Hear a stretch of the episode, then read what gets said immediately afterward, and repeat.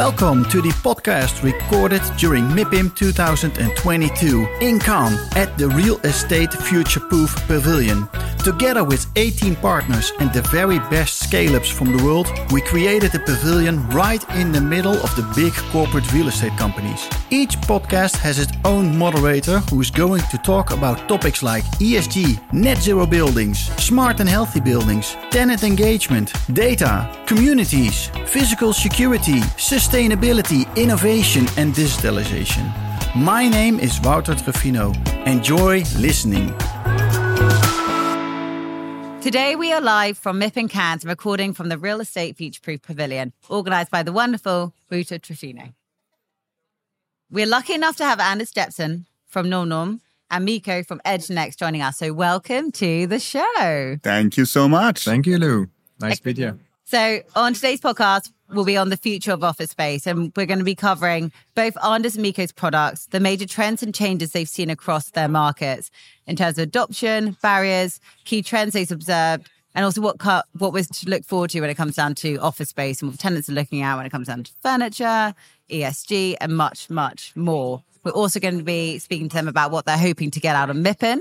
And yeah, a little shout out to obviously Jonathan Whistler, who was meant to be joining us, but sadly um, has caught COVID, so couldn't make it down to Cannes. So um, wishing him a speedy recovery. But um, let's get started with the show. Why don't you, um, Anders, you can sort of start us, talk us through obviously the product. Um, you started it not long ago, as I heard from at dinner last night. It's about 14 months ago. You've grown hugely, but for our audience, what does it sort of do? What does it do?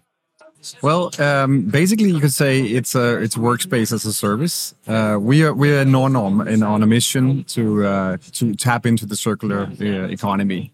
So we're really trying to create a total transformation of a very linear industry when it comes to uh, the furnishing uh, solutions uh, into a, a, a product that you basically subscribe to your workspace solutions instead of buying your furniture.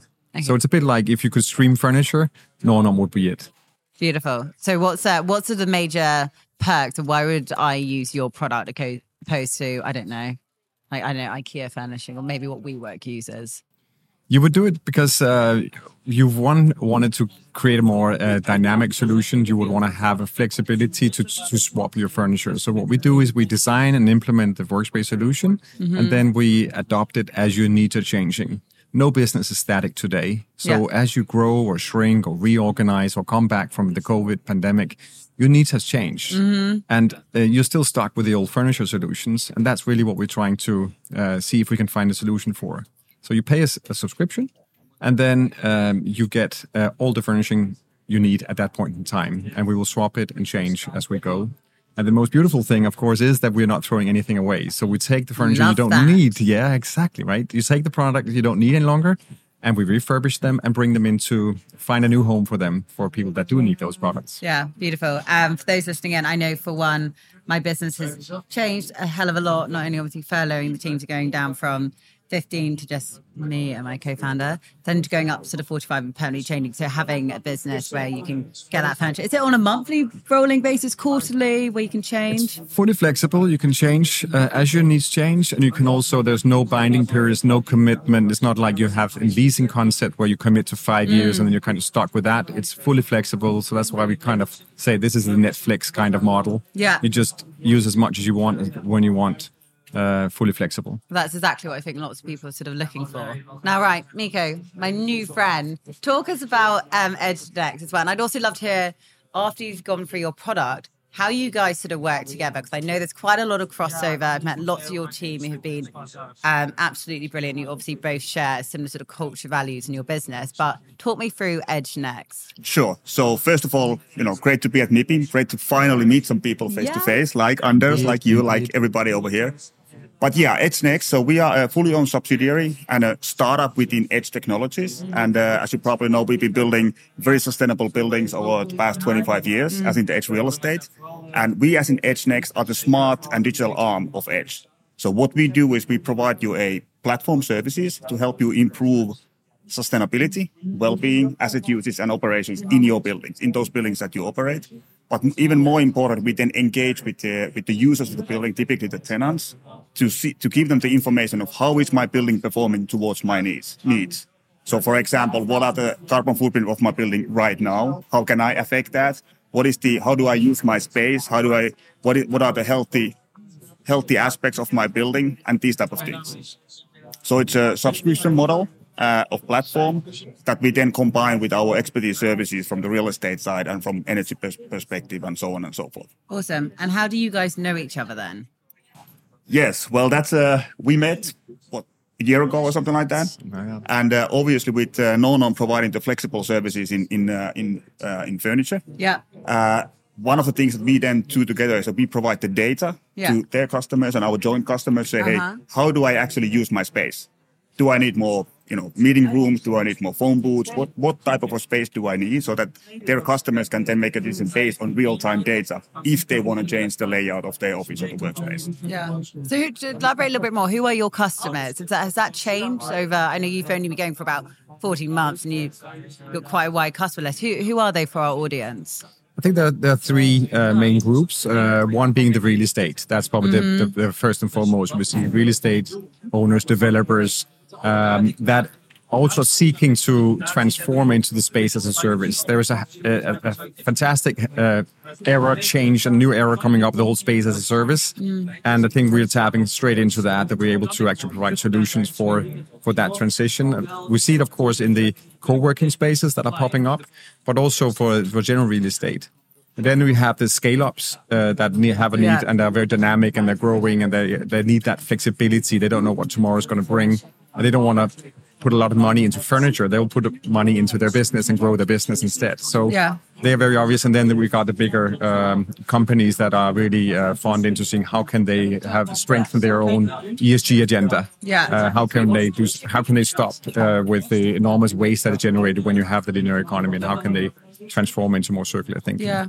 Well, this brings us quite nicely into what are the people looking for when it comes down to buildings and office space and how obviously our pre and post COVID it's changed so much. and over dinner and lunch day, but this is what we spoke about. And I was foodlessly thinking that after COVID, more remote working, let people are looking for less office space, but obviously people are wanting something slightly different now, whether it's more office space, different air quality, all these things. So, do you both want to sort of maybe, Mika, you can sort of start us off with what um, what you've seen in terms of trends? Yeah, well, I I think there are two major trends now, after, especially now after COVID. I mean, first of all, I don't think that uh, you need less space, but you need different type of space. You need good quality office hmm. space that is flexible for your for your operations.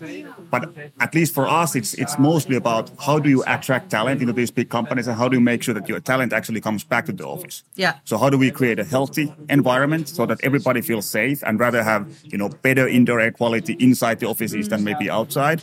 And then you know if you want to attract you know the best talent, they they really want to understand the ESG values. They Yeah. want to know that the the building that they operate is, is carbon neutral. Hopefully, at least we are doing a lot to make it carbon neutral. Mm. So the ESG is definitely the major trend here. Yeah. The the COVID thing I think has emphasized the flexibility of workspace, but obviously health and well-being is now a big topic. So how do we make sure that the offices that they work in has have good ventilation and and, and there are no toxics in the air and those type of things. But I think ESG is the kind of the, the biggest challenge we have, and, and, and I think we can help with that. Yeah. You mentioned about getting people back to the office. So that's your current employees.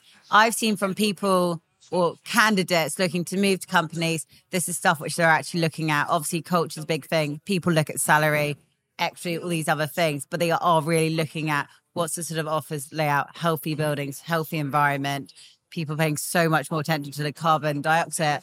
The same way when people are looking to now buy buy a house, what area you're looking in and everything like that. Now, what, what trends have you seen then, Anders? I think, uh, as you see, many people are, and many all businesses are more or less uh, accepting uh, the, the hybrid working, working from home. You say the role of the office actually increases in being important. The importance of the office is, is, is even more great than before because Yeah. you get very few occasions now to to demonstrate the culture of your company um, and, and really create those occasions towards your uh, employees as well as customers. So, so you want to use the, the space in a different way that you did before. One of the questions I get most is what's the future of work? What's the kind of split that I should be looking for? How many percentage Yeah. should be this or that? And how much is workspace? How much is lounge? And, and, and, and the answer is really that it's a new era we're moving into. Yeah. Uh, I think if you look back, there's been like three phases. We, we we went from some 20 years ago maybe into very efficiency focused spaces that looked into like the cubicles and how can we just get the most out of every square meter. That moved into the activity based workspaces that offered more of a menu uh, where you could actually uh, have your desk when you needed that, you had a meeting room when you needed that, etc. What we're moving into now is the adaptive workspace. That basically is a, a, a variant of the flexible workspace where you have all the menu uh, that you need, uh, the mix of different solutions, but that adapts with time. So no business, you can say, here is the formula. It should be this percentage of that or Yeah. that. It depends on your industry, the maturity, how you grow or shrink. It, it, it, there's so many parameters that decides it, and that's why it's so important with the, the facts and getting the data. Yeah, why we're so happy with the with the collaboration with Yeah. Edge Next that we can get the facts here. I, I was just going to add that that all of that is absolutely true, and I, I totally, you know, I agree with that. But I think that the role of data will only increase in the future because if you want to be flexible, if you want to offer the best possible workspace for your for your employees, mm. you need to know how the space is used, and and you need to know what your people are looking for. So one of the things that we found out when our own team started coming back to the office, which was at least to me quite as, quite surprising. We were obviously thinking that people would come to the office to collaborate, to meet Yeah. everybody and so on. So that's true, but the most used space in our own office is phone booths. Yeah. So so people come from their homes, they meet the, meet, the, meet their colleagues and have a cup of coffee, do cooperation, you know, collaboration, whatever. But then they really need the phone booths to make the team calls to their employees that are not at the office or to their customers. So it's it, it's I would not have guessed that, but the data shows that that's now the case, at least in our own company, that we need more phone booths, basically. And um, in terms of your company's obviously very much European focused, but I know Edge Next is global. You're in Yeah. Sydney as well. Are there any changes you've seen in terms of um, any different trends which in Australia compared to Europe and what people are wanting or Well, I think that I wouldn't say that it's so much on geographic. It's more about the company and the company culture of, of who we work with. So we mainly work with like big technology or finance type Yeah. of companies. So they really want to create this corporate culture, no matter if the office is in, you know, New Delhi or Amsterdam or mm. London or New York. So I think that's much more than the than the geographic. But obviously, of course, there are differences in different regions. But I wouldn't say that you know Australia does things so much different than other countries. But it's, it's more about the company, in my view. Well, I'd say when it comes down to ESG, the Nordics are especially more a lot That's more why we are here. progressive.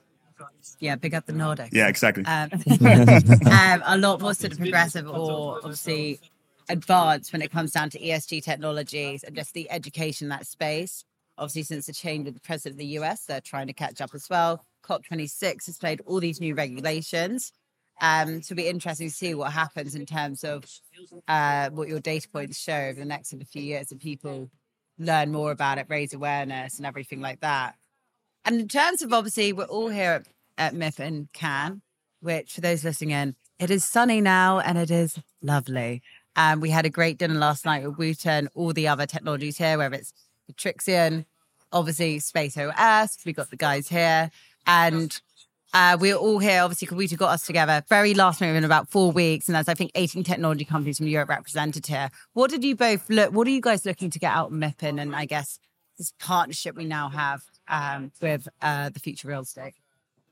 Well, if I go first, uh, I mean, for for us, especially with, within this future-proof pavilion as well, I, I really want to kind of get to know the other players in this market. I mean, we fully understand that we cannot do this alone. The market is right now right there. We need to grow, and uh, we want to focus on things that we are good at.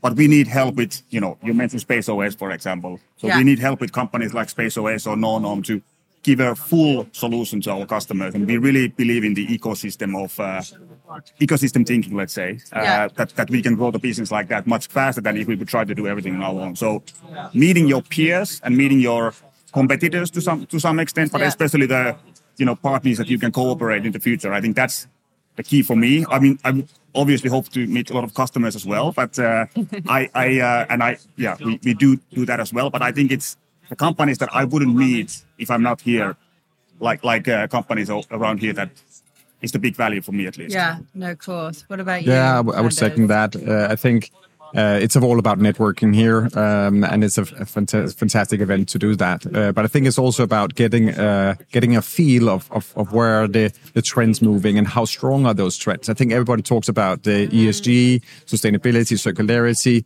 but when it comes down to to business, uh, I think there is still a quite uh, far way to go, to be honest, in, yeah. in transforming and actually walking the talk.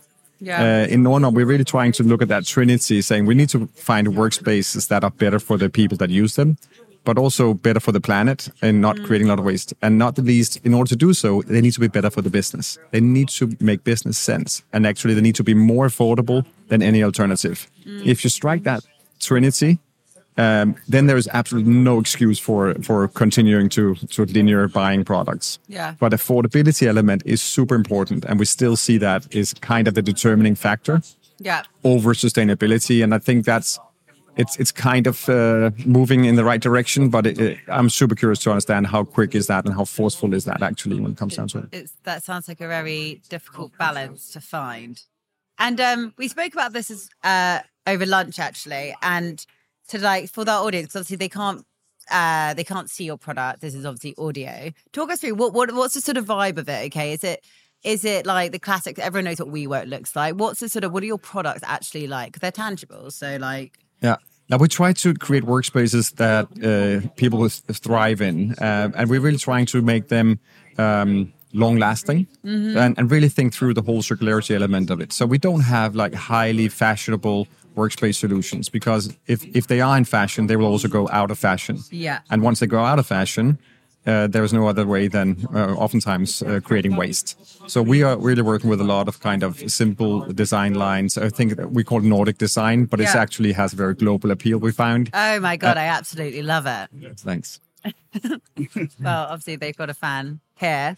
Um, well, look, we're nearly coming to the um, the end of the podcast. For those listening in, and uh, you need to check out both these products. We'll be sharing it with them. Obviously, I'll be tagging them on LinkedIn and all the social profiles and everything like that. Um, but it's super impressive what they're doing, and obviously, Edge Next is part of Edge, which I saw is massive marketing going on over there. It's um so you definitely need to sort of check them out. They're really transforming um smart buildings as well. And yeah, uh, guys, it's been an absolute pleasure uh, meeting you guys this trip. I'm looking forward to obviously coming over to the Nordics as well and seeing you in You're the hometown. Yeah. Likewise. Yeah. Thank you so much. Happy Thank to you. be here. Awesome. Thanks a lot.